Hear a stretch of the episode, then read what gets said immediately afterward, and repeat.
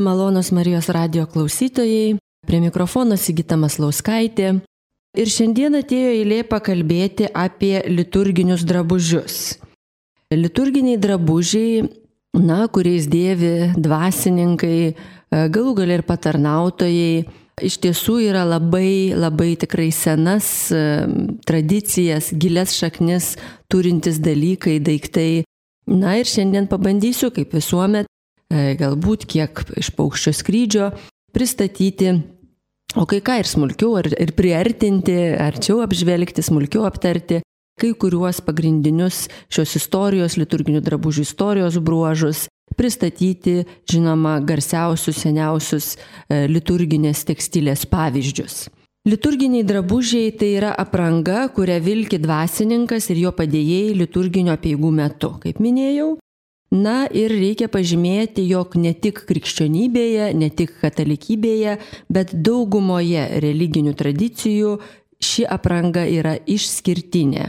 Ryškus liturgijoje naudojamų reikmenų ir rūbų išskirtinumo pavyzdys mums brangioje tradicijoje krikščionybėje tai yra Senasis testamentas, konkrečiai Senajame testamente išeimo knygos 25-28 skyriuose yra surašyti paties Dievo hebrajams nustatyti liturginiai potvarkiai, smulkiausi padangtės, sandoro skrynios, atnašų stalo, kunigų drabužių medžiagų, dydžių ir papuošimų nurodymai. Taigi cituoju trumpą ištraukėlę iš išeimo knygos 28 skyriaus, kuriame taip rašoma apie liturginių drabužių, na, paskirties formos, tiesiog paties Jehvės, paties Dievo lūpomis e, perdavimą. Pasiūdinsi savo broliui Aronui šventus drabužius, kad būtų oriai puošnus. Todėl nurodyk visiems turintiems įgūdžių, kuriems aš esu suteikęs išmonę, kad jie pasiūtų Aronui drabužius, kuriais apsivilkęs jis bus pašventintas tarnauti man kunigu. O drabužiai, kuriuos pasiūdinsi, yra šie krūtinės dėklas, efodas, skraistė, tunika su kutais, turbanas ir juosta. Suvant šiuos šventus drabužius tavo broliui Araonui ir jo sunums, čia viešpats paminėsiu kalbą moziai, taip, broliui Araonui ir jo sunums, kad jie tarnautų man kunigais, turi būti panaudota auksas, mėlyni, violetiniai bei tamsiai raudonos spalvos siūlai ir plona drobė. Citatos pabaiga. Taigi matote, viešpaties lūpomis Mozė išgirsta labai konkrečius, tiesiog, na, kaip kokiai būtų tekstilės amatininkui, tekstilės menininkui perdodama žinia, informacija, nurodymai. Taigi šventojo rašto tradicijoje liturgija, Dievo ženklų pasireiškimas tikrovėje yra išskiriama iš kasdienybės. Kaip matėme, tas labai svarbu patiems švenčiausiams, sakysime, arba švenčiausiams objektams skirtiems laikyti indams, komuniniai, monstrancijai, tauriai, bet lygiai tas pats yra svarbu ir liturginiai tekstiliai. Išgirdote, kad būtų oriai puošnus, kad simbolių kalba liudytų apie kitą, aukštesnę, amžiną tikrovę.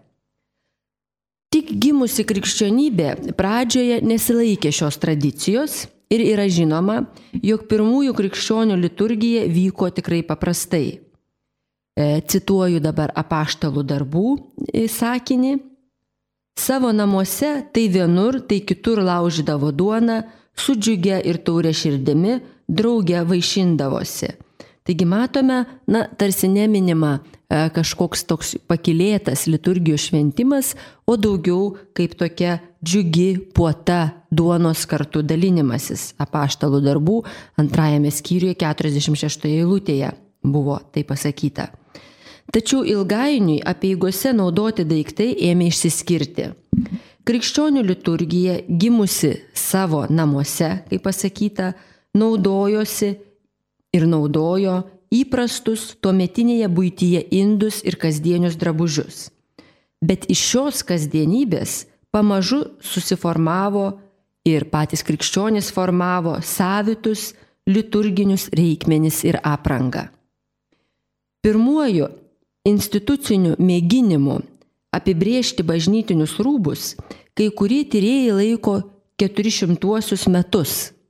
Matote, labai anksti iš tikrųjų 400 metais Kartagino susirinkime yra fiksuojamas vienas kanonas, kurį patvirtino popiežius Silvestras I savo dekretu. Ir šiame kanone aiškinama diakonų tunikos dėvėjimo praktika. Apie liturgijai skirtų audinių naudojimą, skalbimą ir priežiūrą kalbama 546 metais Leridos bažnytinėme susirinkime.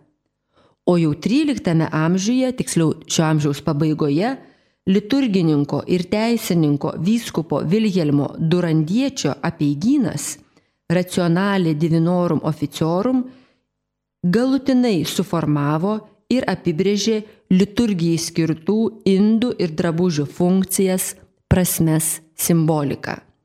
Taigi matome jau aiškiai, sakysime, dokumentuose, bažnytiniuose dokumentuose nuo 400 metų iki tarsi toks kaip jo apibendrinimas, e, sankaupa visos tradicijos praktikos 13 amžiaus pabaigoje yra aiškus tokie žingsniai, kaip formuojasi šitie šventoms apigoms skirtų tiek drabužių, tiek indų prasmė, simbolika ir funkcijos. Dar trumpai apie Vilhelmo Durandiečio apeigyną. Šis visų pirma viskupams skirtas apeigynas pateikia sisteminį, alegorinį, liturginio laiko, erdvės ir veiksmų aiškinimą. Juo katalikų bažnyčia naudojosi iki XVII amžiaus vidurio.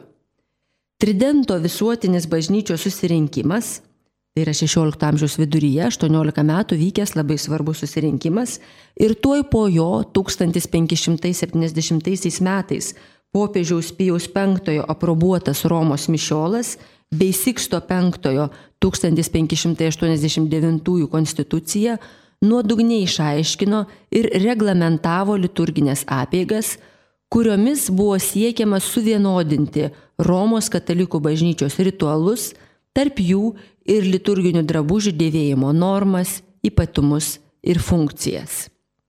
XIX amžiaus pabaigoje, XX amžiaus pirmojoje pusėje matomas liturgijai skirtų rūbų, medžiagų ir pošybos permainos nėra vertinamos kaip radikalios.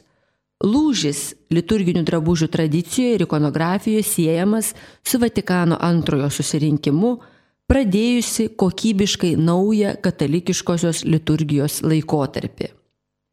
Pagrindiniai liturginiai drabužiai, kuriais beveik nuo pirmųjų krikščionybės amžių skirtingai vilki katalikų bažnyčios dvasininkai - diakonas, kunigas ir vyskupas, yra šie, manau visiems radio klausytojams gerai pažįstami - Arnotas, Dalmatika, Kapa, Stula, Manipulas.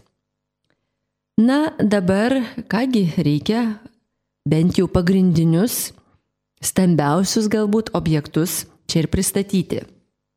Arnotas.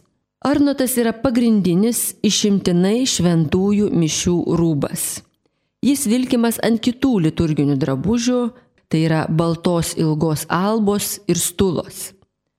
Dabartinis lietuviškas Arnoto pavadinimas yra kilęs iš lotyniškų žodžių orno puošti ir ornatus išpoštas. Kaip ir dauguma liturginių drabužių ir reikmenų, Arnotas pirmykštės krikščionybės laikais gimė iš graikų ir romėnų pasaulio kasdienybės. Laikui bėgant kito, buvo pritaikomas prie vyraujančių stilių, jo papuošimo ikonografija ir ornamentika atsispindėjo ne tik bažnyčios, bet ir meno stilių raidos etapus, audiniai dažnai nesiskyrė nuo pasaulietinių drabužių, na turiuomenį e, karalių, e, dvasininkijos, e, aristokratų. Arnoto protėpis, viršutinis šiltas, dažnai storos medžiagos, apvalaus ar stačiakampio kirpimo, su anga galvai apseustas, dėvėtas keliaujant ar dirbant laukia. Taigi matot, Arnoto protėvis yra tiesiog šiltas, funkcionalus per galvą, tarsi sakytume, apsimaunamas, užsidedamas, apseustas. Lotiniškai jis buvo vadinamas įvairiai - planeta, kazula planeta, penula, o ankstyvuosiuose galų šaltiniuose amfibalus. Nuo 7 amžiaus 40-mečio Arnotas tampa būtina kunigo aprangos dalimi. Labai greitai dėl pirmykštės žmogų gaubiančios, klostėmi žemyn krintančios, apsausto formos įsitvirtino pagrindinė Arnoto alegorinė ir simbolinė prasmė, pagal kurią jis pirmiausia siejamas su visa gaubiančia ir saugančia antgamtinė Dievo meilė, šarvu, apsaugančiu nuo piktojo strėlių. Taigi matome tiek šarvas, tiek Dievo meilės simbolis, tas arnotas, pošnusis, būtinas dvasininko rūbas šventų mišių metu. Ilgainiui arnoto forma po truputį keitėsi, trumpėjo šonai ir priekis, judėjimo patogumui išlaisvinamos buvo rankos, įtaką darė gotikos stiliaus formos ir puošmenos. Tačiau radikaliausi pokyčiai įvyko 14-16 amžiuose, kai Arnotas įgavo beveik net pažįstamą iki pat Vatikano antrojo susirinkimo gyvavusią formą ir išties tapo panašus į standų, puošnų, iš nugaros ir priekio kuniga dengiantį skydą. Tiek būtų apie pagrindinį rūbą. Antrasis galbūt pagal svarbą yra kapa. Kapa platus, pošnus, iškilmingas apseustas, priekyje susegama sąsaga, skirtas liturginėms apieigoms vykstančioms ne mišių metu.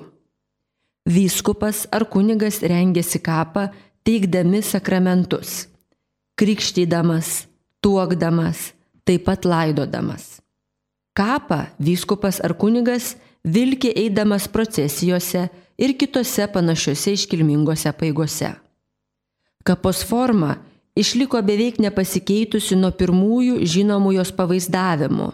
Vienintelė kitusi jos detalė - goptuvas, kuris pradžioje išties atliko savo tiesioginę praktinę paskirtį, bet ilgainiui tapo tik dekoratyviniu elementu, kuris kartais tebe vadinamas goptuvu, bet vis dažniau skydu.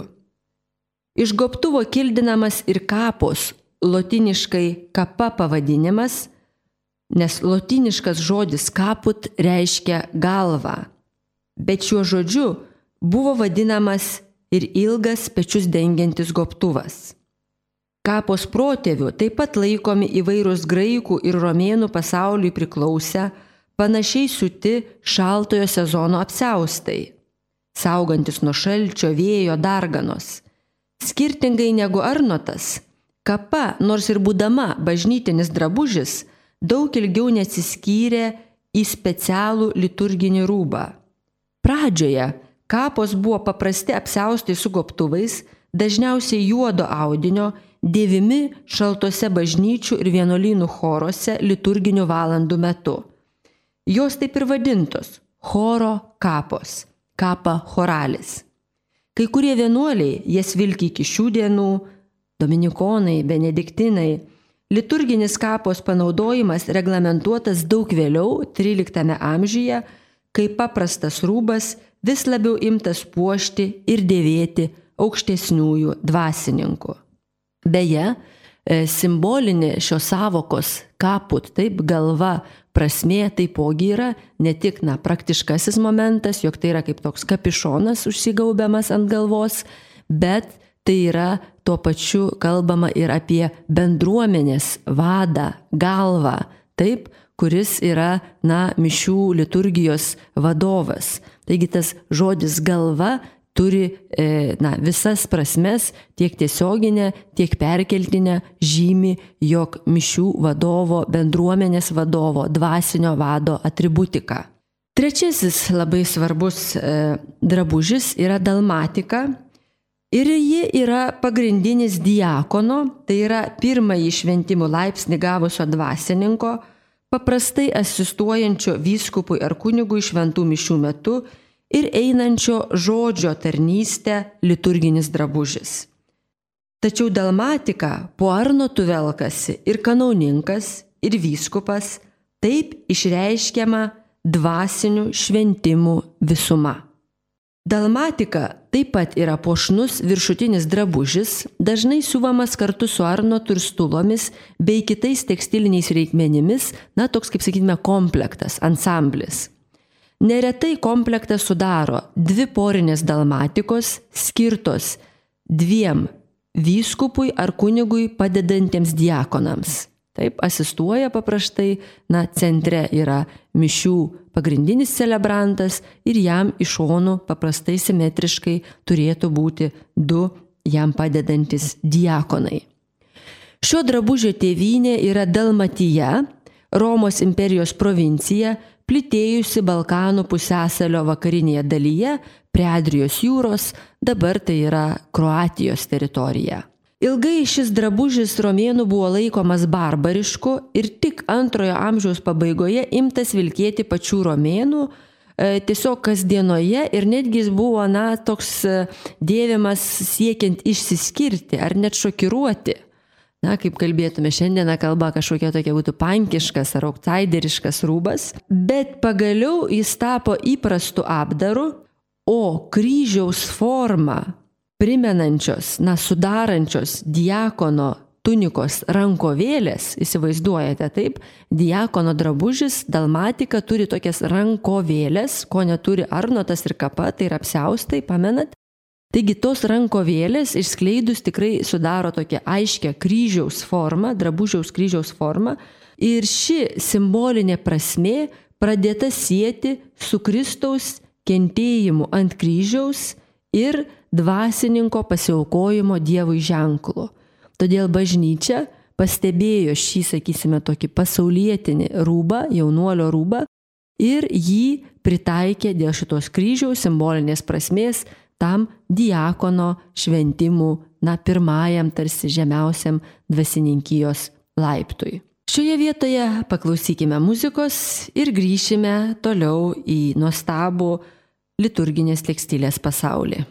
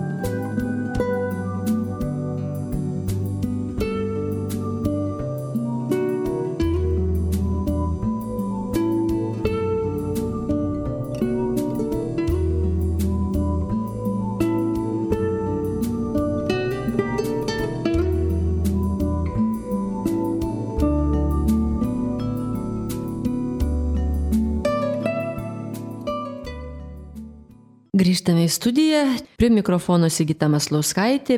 Kaip minėjau, toliau sklaidau knygos Jėga ir grožis jo šventovėje Vilniaus arkiviskupijos vertybės bažnytinio paveldo muziejuje knygą, albumą. Ir šiandieną kalbame apie liturginius drabužius. Tai labai svarbia tokia, na vis dėlto, kad ir šventųjų mišių atributika, tai yra apranga, kurią vilki dvasininkas ir jo padėjėjai liturginio apieigų metu, bandome išsiaiškinti pagrindinių drabužių e, genezę, istoriją, simboliką, ikonografiją ir funkciją. Aptarėme iki muzikinės pertraukos tris pagrindinius drabužius Arnotą kapą ir dalmatiką. Na, o dabar trumpai prie tokių, sakysime, smulkesnių, bet irgi labai svarbių kunigiškų drabužių. Tai pirmiausia, gal pagal svarbumą būtų stula. Stula yra ilga, siaura juosta su platėjančiais galais. Tikrai esame matę, ypatingai e, praktikuojantis žmonės, einantis iš pažinties, e, tikrai mato, jog kunigas dėvi stulą ir e, kitokią, kitokios spalvos negu, pavyzdžiui, šventų mišių metu ir panašiai. Taigi, nors dažniausiai stula lieka paslėpta po arnotu, dalmatika ar kapa, Tai ypač svarbus liturginės aprangos elementas, privalomas vyskupui, kunigui ir diakonui aukojant šventasias mišes ir teikiant sakramentus. Maždaug pirmajame amžiuje prieš Kristų pradėtas dėvėti keturkampis šalis ar skepeta, vadinamasis sudarijus, kurį apsisukdavo apie kaklą, arba nešiojosi drabužių kloščių kišenėse žmonės. Kiek vėliau atsirado panašus didesnių matmenų drabužis orarijus. Šie veidui ar net valgymo reikmenims šluostyti skirti audeklai ir laikomi stulos protėviais. Ar suprantat, kam reikalinga, pavyzdžiui, sudarijus, na, tedgi nuo žodžio prakaitas šitas žodis yra kilęs, nes drabužiai yra brangus ir tikrai ne kasdien plaunami ir valomi mūsų šiandieniniu supratimu. Taigi, ypatingai tose šiltuose e, kraštuose, e, kur tikrai karšta ir prakaituojama, prabangus drabužiai ar sunkesni drabužiai, jų apykaklė būdavo apsaugoma tomis skepėtomis šaliais, vadinamos sudarijais, kad neišsiteptų arba ne taip dažnai, ne taip greit išsiteptų. Ir matot vėlgi tokia tarsi tikrai praktinė labai aiški funkcija, kuri, kurios tolesnė istorija būtų tokia. Ankstyvieji krikščionys, pasibaigus Euharistijai, tais, na, sudarijais, kepėtomis šaliais, šluostydavo duonos ir vyno indus Į juostą suklostyto audinio pavydalo drabužis ilgainiui virto tiesiog juosta ir praradęs praktinės funkcijas tapo ženklu. Kokiu ženklu? Labai svarbiu. Stula išreiškia dvasininko tarnybą, jo ganytojiškas pareigas ir teisės, simbolizuoja Kristaus jungą, kartu tai nemirtingumo alegorija. Kunigas stulą persimeta aplink kaklą, tuo tarpu diakonas juosiasi ją per kairįjį petį. Taigi tai yra Kristaus jungo. Pamenate, mano jungas švelnus, mano našta lengva. Tiesiog iliustracija šios evangelinės eilutės, be to ir kunigiško pašaukimo Na ir kaip minėta, netgi nemirtingumo alegorija. Manipulas, turbūt reiktų taip sakyti, yra rečiau galbūt matomas ir mažiau pažįstamas, tačiau labai svarbus elementas ir bent jau stačiatikių bažnyčioje iki šiol yra privalomas liturginio peigų metu. Manipulas yra labai panašus į stulą, tiesiog kaip stula, tik trumputė, trumpa. Jį kunigas aukodama šventasias mišes užsimesdavo ant kairės rankos dilbio. O kilmė šio drabužio panaši kaip ir stulos. Jis kilo iš skepetos, sulankstomos ir permetamos per ranką, kurią graikai ir romėnai pradžioje naudojo per vaišes, o vėliau jį gavo svarbesnį reikšmę, jos mostelėjimu prasidėdavo įvairūs renginiai. Pirmaisiais krikščionybės amžiais tokia skepeta buvo šluostomi Euharistijos indai. Maždaug nuo šeštojo amžiaus manipulas jau įvardyjamas kaip liturginis reikmuo. Ilgainiui, praradę savo praktinę paskirtį, jis tapo simbolinę kunigo aprangos dalimi. Viduramžiais laikytas išganytojo rankas surišusių virvių ženklu. Dėvėdamas manipulą ant rankos kunigas meldžiasi, kad žvelgdamas į amžinybę kantriai neštų šio pasaulio rūpeščius ir sunkumus. Beje, turiu pabrėžti, jog yra, na, kiekvienam drabužiui, netgi pradedant alba, to baltuoju rūbu ir vėliau visais kitais jau augančiais tarsi krešendo principu, arnotas, kapa, stula, visiems šitiems drabužiams jų vilkimosi momentui yra sukurtos bažnyčios tradicijoje labai žinomos gražios maldos. Apie tas specialias maldas galbūt ir toliau kalbant apie liturginę tekstilę pakalbėsime kitose laidose. Taigi, Liturginių drabužių komplektui dažniausiai priklauso dar keli tekstiliniai daugiau ar mažiau puošnus altoriaus reikmenys.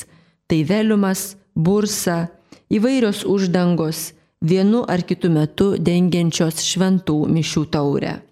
Ankstyviausi Lietuvoje išlikę liturginiai drabužiai siekia XV amžiaus pabaigą, XVI amžiaus pradžią, jų tėra vos keletas. Seniausias Lietuvoje išlirkęs liturginis rūbas - Vilniaus katedros Arnotas, kurio siuvinėta nugaros kryžiaus formos preteksta datuojama XV amžiaus pabaiga. Tai yra seniausias Lietuvoje išlikinęs drabužis. Šis drabužis atspindi dar viduramžiams būdingą liturginių drabužių puošimą figūrinėmis kompozicijomis, ištisais biblinių siužetų pasakojimais, vėliau pavienių šventųjų atvaizdais. E, konkrečiai rūbas, kuris eksponuojamas parodoje Šilkas ir Auksas, turi tokias penkias e, na, kompozicijas, atvaizdus, vaizduojančius Kristaus kančios istoriją. Kryžmos centre yra pavaizduota išsiuvinėta, nuostabiai išsiuvinėta nukryžiavimo scena, po kryžiumi stovi švenčiausiai mergelė Marija ir šventasis Jonas Evangelistas, apačioje vaizduojamas judo pabučiavimas, kairėje Jėzaus nuplakimas, dešinėje vainikavimas ir škiečiais, o viršuje sunkiai įžiūrima Jėzaus paspilota arba suėmimo scena. Dar vienas seniausių mūsų laikus pasiekusių drabužių yra kapa iš sudervės bažnyčios. Nors ji persiuta ir naujais galionais apsiuta XIX amžiuje, tačiau jos kraistė ir preteksta bei goptuvas pasiūti iš puikių XV amžiaus pabaigos, XVI amžiaus pradžios, vidurio renesansinių aksomų brokatų. Kapa iš ties yra nuostabi ir verta šitoje vietoje pasakyti, jog pavyzdžiui, nėra išlikę senesnės nearcheologinės apskritai tekstilės Lietuvoje. Įkapės taip galime žinoti, aptarti, matyti keletą tik žymiai aišku mažyčių fragmentų saugomų muziejuose, tačiau kaip, na, antžeminis daiktas mūsų dienas tai yra pasiekęs pats seniausias. Neturime, na, kaip čia vaizdžiai pasakius, nei Barboros Radvilaitės rūbų, nei karalių, Žygimanto Augusto ar kitų panašios epochos valdovų, nei karalių, nei, nei didikų, nei aristokratijos. Tuo tarpu štai šitą, na, tikrai itališkais brokatais, auksas, šilkas, sidabras, austą rūbą mes galime pamatyti puikiame liturginėme drabužyje, kurį išsaugojo bažnyčia, bažnyčios žmonės. Manoma, jog neturim aišku įrodymų, bet tikrai tokia, tokio grožio, tokio lygio rūbas e, greičiausiai į sudervės bažnyčią papuolė iš Vilniaus katedros, kuomet katedra buvo sovietmečių uždaryta ir daugelis jos vertybių buvo įvairiai slepiamos arba kažkur gabenamos, e, dedamos. Taigi, toliau jau ką mes galime daugiau matyti tiek Lietuvos bažnyčių zakristijų spintose, nes kaip minėjau, pasikeitus liturgijai, senieji drabužiai dabar jau dažniausiai yra tik toks saugojimo objektas arba muziejuose. Taigi 17-18 liturginių šios epochos, šių amžių drabužių jau yra nemažai. Ir reikia pasakyti, jog jų šių barokinių drabužių pošyboje įsivyravo reljefinis siuvinėjimas sidabro ir auksuoto sidabro siūlais. Taigi labai tokie prabangus, reljefiniai, sunkus, tiesiog, na, tokie skydai. Ir dažniausiai visas rūbas padengiamas šiam laikotarpiui būdingais barokiniais augaliniais ornamentais. e, tarp kurių retkarčiais Arnoto nugaros pretekstoje ar kapo skydo plokštumoje iškyla šventųjų figūros. E, ir vėlgi noriu priminti, ką kalbėjau laidos pirmoje dalyje, jog visos šitos pastangos, visi šitie reljefai, pošyba, šventieji, auksas, šilkas, sidabras yra reikalingi tam, jo kalbėtų apie Arnotą kaip apie Dievo meilės, E, skydą, malonę skydą, apsauginį skydą, būtent pabrėžti tą, sakytume, tokią teologinę, ikonologinę šio drabužio funkciją ir prasme. Jei XVII amžiuje Lietuvoje dažniau pasirodydavo įvairūs itališki audiniai, ypač mėgtas prabangusis sidabro ar aukso taustas aksomas, tai XVIII amžiaus bažnyčias užplūsta įvairiausi Prancūzijoje, daugiausia Lyonė austi šilkiniai audiniai, atspindintys visą gėlėto barokinio ornamento raidą iki pat jį pakeitusio klasicizmo. XVIII amžiaus antroje pusėje ir Lietuvos didikų dvaruose veikė keletas šilko audyklų. Jas buvo įsteigę Radvilos Lutskė, Oginskiai Slanime, Sapiegos Ružanuose – Ypač garsėjo Antano Tyzenhauzo organizuota karališkoji manufaktūra Gardinė. Tačiau čia austus audinius identifikuoti sunku. Garsiausia jų produkcija - laikytinos prabangios kontušinės juostos, vėliau naudotos liturginių drabužių siuvimui. XIX amžiuje pasikeitus politiniai, o kartu ir ekonominiai Lietuvos situacijai, Daugybė įvairiausių ornamentuotų audinių buvo atvežama iš Rusijos fabrikų. Bažnyčiose gaušų drabužių pasitų iš storų, primityvaus ornamento medvilninių rusiškų brokatų. Šiuo laikotarpiu išpopuliarėjo suvinėjimas grandinėlę ir kryželiu. XIX amžiaus pabaigoje, XX pradžioje suklestėjo istorizmo stilius, imituojantis senuosius, na, bizantinius, gotikinius, renesansinius ornamentus, Fabrikai pradėjo austi audinius skirtus specialiai liturginiams drabužiams. Atvilnijo tuo laiku vakarų Europoje kilusio liturginio sąjūdžio propaguojamos formos ir ornamentai. Laidos pabaigai galiu pasakyti, jog liturginiai drabužiai yra didžiausia bažnytinio paveldo muziejo saugomų vertybių dalis, seniausi pavyzdžiai siekia XV amžiaus pabaigą, tačiau dažnai sunku vienareikšmiškai nusakyti jų sukūrimo laiką, Nesenieji rūbai neretai mus pasiekė jau persiūti. Siūvant dažnai naudoti keli įvairių laikotarpių, skirtingose vietose austeudiniai, bet tai rodo šio laikotarpio ir apskritai tikinčiųjų žmonių meilę ir pagarbą senai bažnytiniai tekstiliai. Čia su jumis ir atsisveikinu, iki kito susitikimo, sudie malonus Marijos radio klausytojai.